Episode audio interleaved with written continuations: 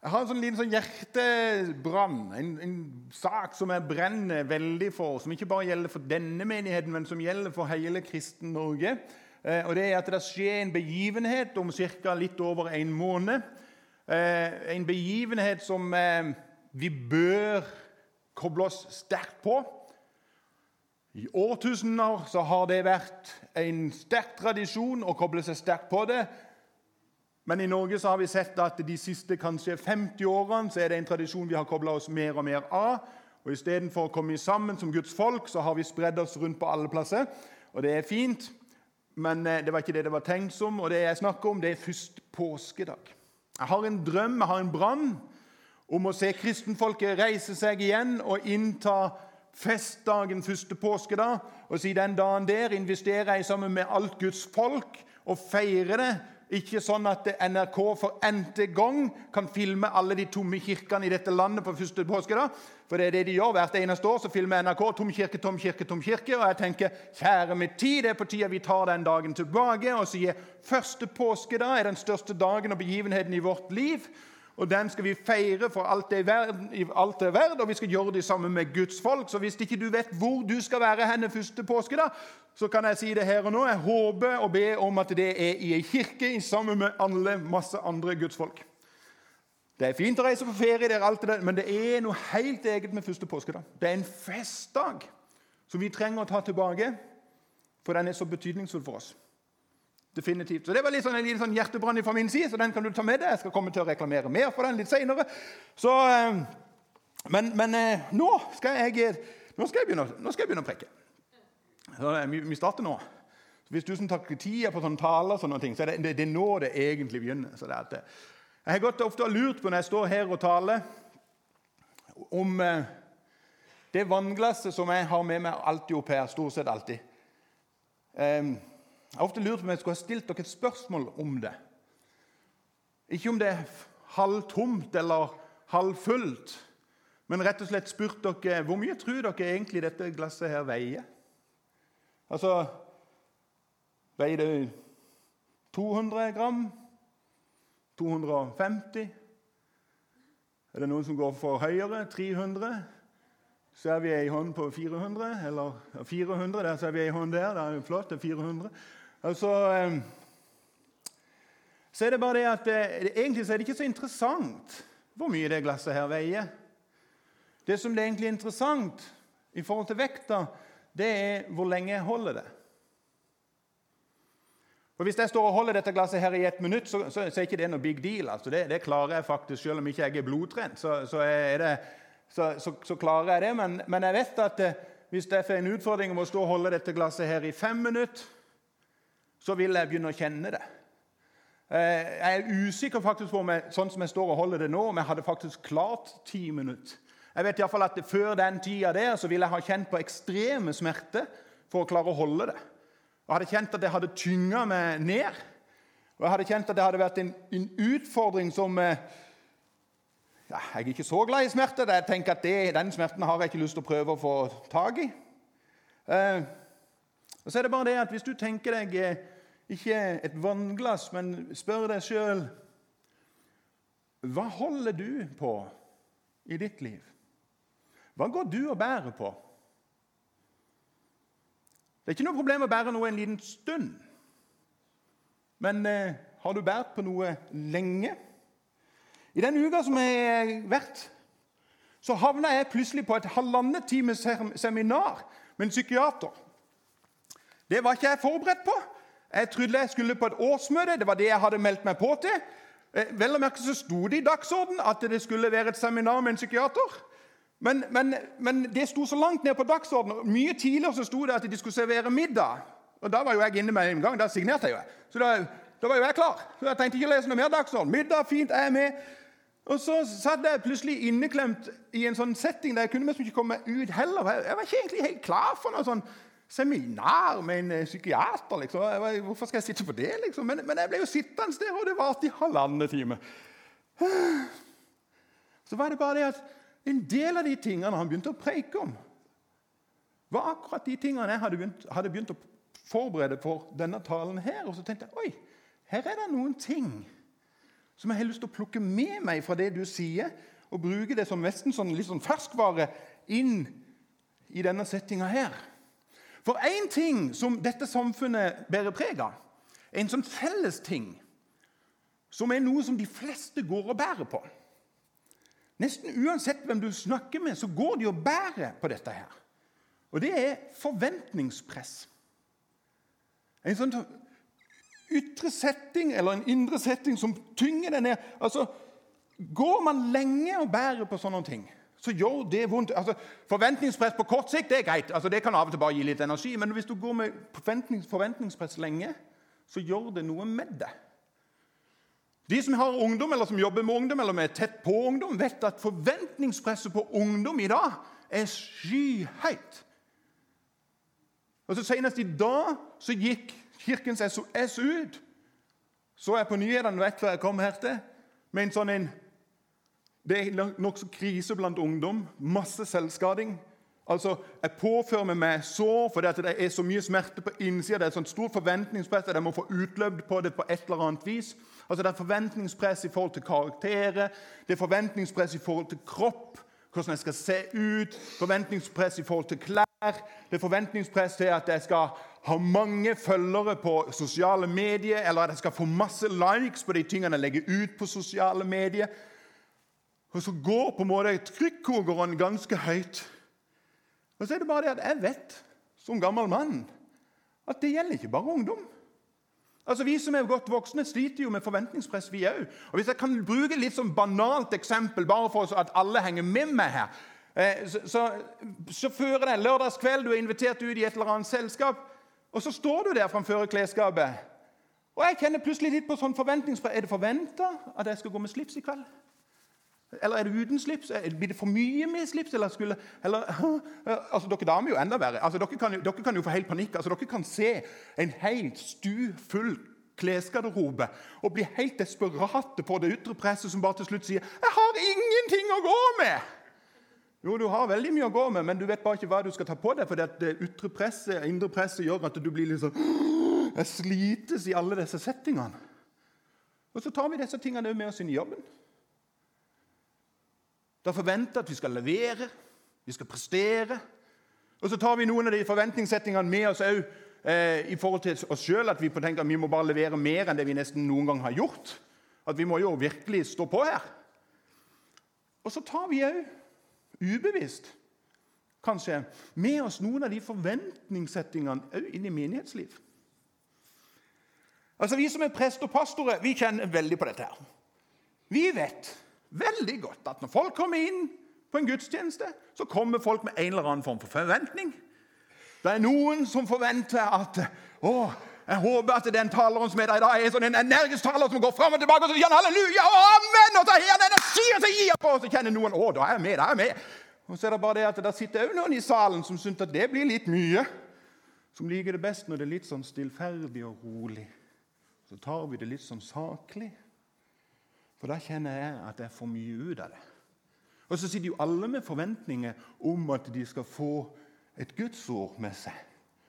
Men det er bare det at der er jo også forventningene veldig sprikende. For noen forventer, håper og drømmer om at nå skal jeg få et dypdykk. Der jeg lærer Abraham fra Uri Kalidea enda bedre å kjenne. Og jeg kan gå ut fra denne gudstjenesten med en stor viten om akkurat han. Men så er det bare det at noen andre sitter i salen og håper på at Gudsordet skal bli åpenbart til inspirasjon til å spre evangeliet til Abrahamsen, som bor i gata ned forbi. Og Der jobber vi som pastor og prester. Og tenker, Skal vi finne ut av noe inn i dette landskapet her? Og så kjenner folk på en forventningspress. Og dessverre så er det faktisk to yrkesgrupper i Norge som er mer sykemeldt enn noen andre. Det er prest-pastor, og det er lege. Hvorfor? Pga. den forventningspresset som blir satt, det stresset, det jaget, det kravet som de kommer med seg. Hva går du og bærer på? Hva bærer du på i ditt liv? Vi som er foreldre, vi går ofte og bærer litt som på våre barn. Håper det går bra med dem. Håper de klarer seg. Godt voksne som kanskje har voksne barn, går av og til med en bekymring hvis barna kanskje ikke kjenner Jesus, eller de plutselig har droppa ut av menighetsliv, og det er en litt sånn desperat lengsel etter å se sine barn inn i den settinga, og det skapes bekymringer for barna. Det blir sånn desperate bønner som blir bedt om at disse barna må på en måte komme hjem igjen. Hva bærer du på? Bærer du på stress? Stress på jobben? Bærer du på utfordringer i ekteskap?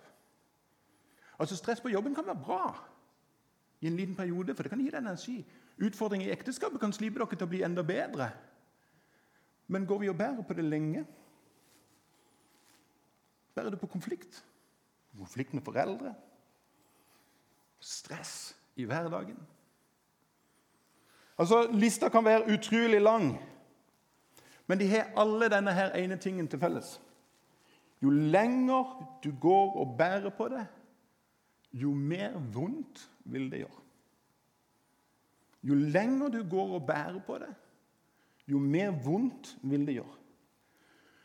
For jødefolket så var dette en veldig kjent sak. Forventningspresset var enormt høyt. Altså De jobba heftig for å holde alle bud og regler som Moses hadde gitt dem. Og I tillegg så hadde fariseerne og de skriftlærde kommet, kokt i hop en masse regler og bud i tillegg oppå der, og så prøvde disse menneskene å få til livet sitt så bare godt de kunne. De kjente på sånn jeg må få det til, jeg må få det til, jeg må få det til. jeg må få det til. Og Jeg har ofte tenkt at det bibelverset jeg skal lese nå på øyeblikk Når Jesus sier dette her, så jeg har jeg ofte tenkt at det må jo ha vært helt himmelsk for de første som hørte det. Og Vi skal lese noen vers som er sannsynligvis ganske kjent for en god del her inne, og som eh, Kanskje du kan utenat. Kanskje det er nytt for noen. da. Men kanskje ikke vi har fått med oss alt det som egentlig står der. Bibelverset er dette her. Kom til meg, alle dere som strever og bærer tunge byrder, og jeg vil gi dere hvile. Tenk for de første som hørte det. At de kan bare komme til Jesus, og så skal han gi dem hvil. Og så er det jo bare Det som er så fantastisk med Guds ord, er jo at det Jesus sa den gang, gjelder jo for oss her inne i dag òg. Altså Akkurat nå så står, står, Jesus foran hver enkelt av oss. Og så sier han, du, kom til meg, du som stresser. Du som har en hektisk hverdag. Du som har full kalender. Du som sliter med forventningspress. Du som sliter med bekymringer for barn, bekymringer for økonomi, bekymringer for ikke å strekke til.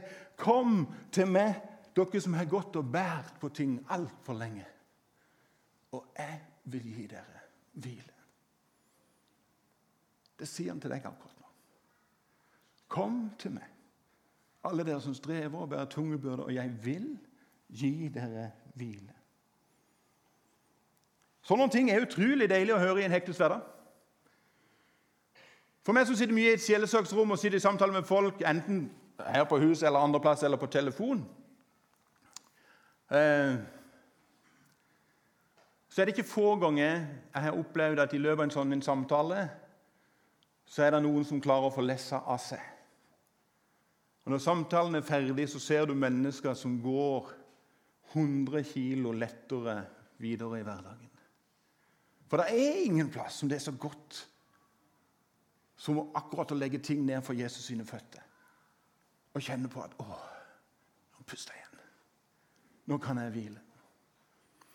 Men det kanskje ikke alle er klar over. Det er at Jeg ofte opplever at det går ofte ikke så lang tid. Så kommer noen av disse samme folkene tilbake igjen. Med full bagasje, har båret altfor mye altfor lenge. Og så kommer det en ny samtale, og vi snakker om at vi kan legge tingene ned.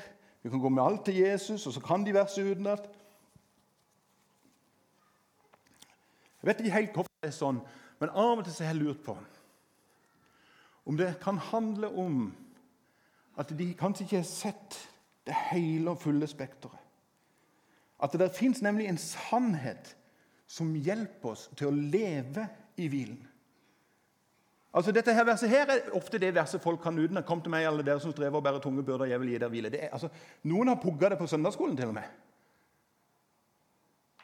Men det folk ikke får med seg alltid, og spesielt ikke i vår setting, Der vi ofte nå leser nesten bare små bruddstykker av Bibelen. Vi får de poppende opp på sosiale medier, eller et eller annet ting, og vi glemmer å lese fulle kapitler eller hele bøker i Bibelen i sammenheng. For det er egentlig ikke dette verset som er kjerneverset her. Dette er ikke det viktigste budskapet Jesus faktisk sier. Dette er viktig, men det er det neste verset som er kjernebudskapet hans. Det er det neste verset som han sier, som virkelig gir deg en setting der du kan få lov til å leve inn i hvilen. Og Det verset der er kanskje ikke fullt så kjent, men det er her vi bør leve. og Her står det dette her. Ta mitt åk på dere, og lær av meg.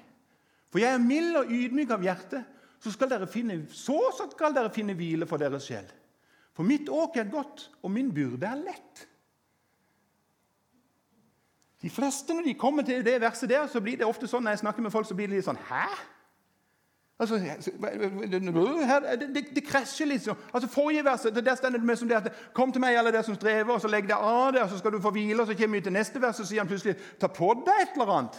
Altså, Skulle jeg ikke legge av meg? Hva, hvor, hva er det som skjer her, Jesus? Hva er det du egentlig prøver å si til oss midt oppi dette her? Skal jeg legge det av, skal jeg ikke legge det av, eller hva er greia? Og så For å være helt sikker på at alle henger med meg, så er jeg nødt til å si noe. Hva er det egentlig? Et åk? For det er jo akkurat det vi på en måte snakker mest om i våre hverdag. Men et åk er egentlig ei bæresetting, bærestang, tverrbjelke over skuldrene f.eks., som fordeler vekta, som gjør at du kan bære utrolig mye mer når du har det på. Eller det kan være en tverrsetting mellom to trekkdyr, som gjør at de kan trekke sammen noe mer enn det de normalt sett kunne ha gjort. Det er det et åk er, bare sånn at folk vet hva et åk er. Men tilbake igjen til selve teksten.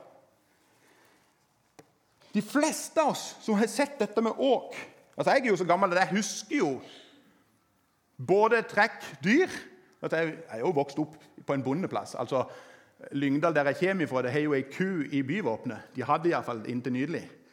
Det er derfor ofte de sier det er så mø bra i Lyngdal. Jeg vet ikke om det er sant, men det, det er iallfall det de sier. Um, så når vi hører om dette med åk, så er jo det som regel noe vi forbinder med noe vi har lyst til å bare ta av oss. Altså, Jeg har ikke lyst til å gå rundt og bære på masse greier. Og Derfor så stopper folk litt lite med akkurat dette verset.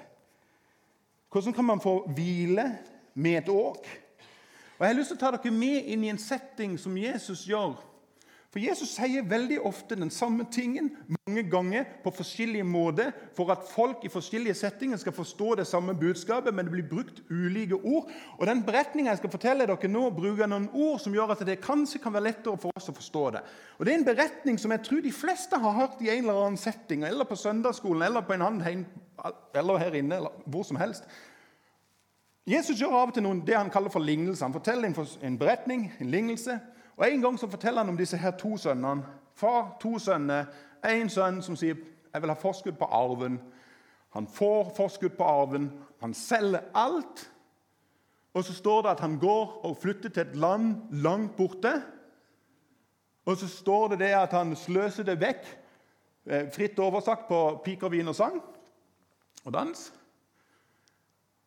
Og så kommer det en hungersnød. Og så har han til slutt ingenting igjen. Og Så sitter han til slutt i en grisebinge og spiser maten til, grisene. Og Så står det han kommer til seg sjøl, og så begynner han å gå hjemover igjen. Jeg tror de fleste av dere har hørt denne. Den bortkommende sønn, eller den hjemkomne sønn, eller den ventende far. Flere ord på sammenlignelsen. Men det skjer noe helt spesielt idet sønnen kommer hjemover så står far og speider etter sin sønn. Og så står det mens han enda var langt borte, så hans far ham. Og så står det at pappa begynner å springe sønnen i møte. Altså nåden er på springetur, pleier jeg å si.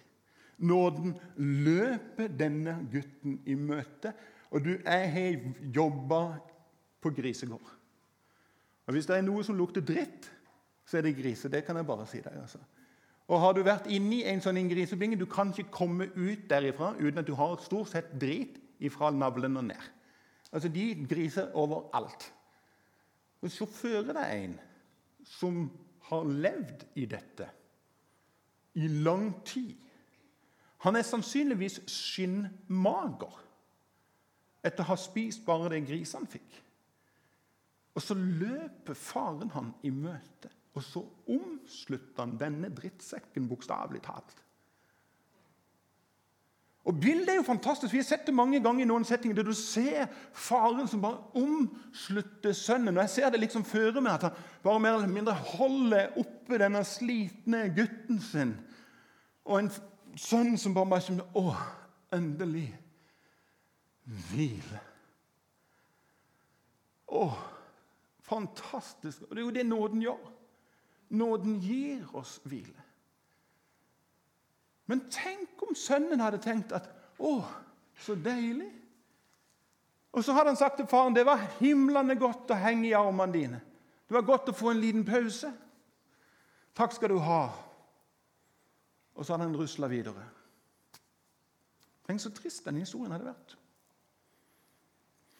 Men det er da Jesus viser ikke noe som er veldig veldig vesentlig. Når nåden møter oss, så gir nåden oss en ny retning. Og Hva er det det står om denne sønnen? Det står at han tok av han det han hadde. Legg av det. Kom til meg, alle dere som trever og bærer tunge byrder. Tar det av seg. Hva er det faren gir ham?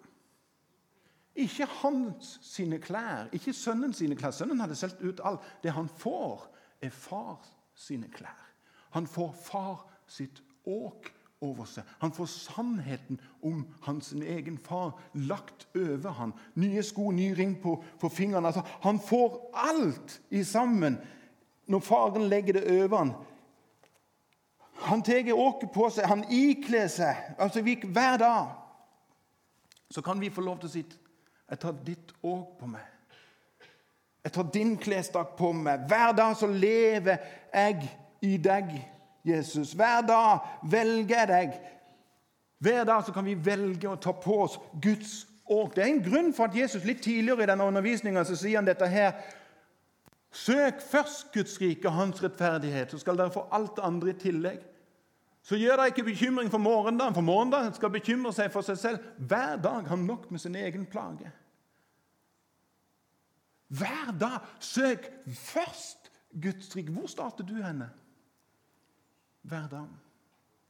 Hvor starter du når du kjenner at du bærer noe? Hvor starter du henne da? Hvor går du først med din stress på jobben? Hvor går du først når du kjenner det skrante i ekteskapet? Hvor går du først når du er bekymra for barn og barnebarn? Hvor går du først? Søk først Guds rike. Hvor, hvor, går du først når du kjenner at nå sliter jeg økonomisk? Hvor går du først? Søk først Guds rike. Begynn på den beste plassen, sier Jesus. Altså, Prioritere å ha Han i sentrum, i sentrum i vårt ekteskap, vår relasjoner, vår økonomi, på skole, på jobb. Søk først Guds rike. Hver dag så kan vi få lov til å velge å ta imot ny nåde. Det er hvilen. Men vi kan òg hver dag få lov til å ta imot Jesus sitt åk, sitt klesplagg, og det er hans sannhet, og vi trenger både nåden og sannheten. Jeg syns ofte dette her bildet her med disse herne oksene som er ute og trekker i åk, synes jeg er fantastisk. For det handler noe om at jeg slipper å gå alene. Jeg går i sammen med en annen. Og det flotte, som mange ikke i dag syns er så flott, men som jeg syns er veldig flott, det er at jeg er bundet til Kristus. Jeg er kobla i hop med Han. Der Han er, der er jeg. Går Han, så går jeg. Jeg følger deg der du går. I vårt samfunn så er jo dette sånn huh, Ramma er jo blitt en uting. Altså, I dag så er det hvis jeg har lyst til noe, hvis jeg føler for at det har jeg lyst til, hvis jeg føler at dette er rett, så må jo jeg få lov til det.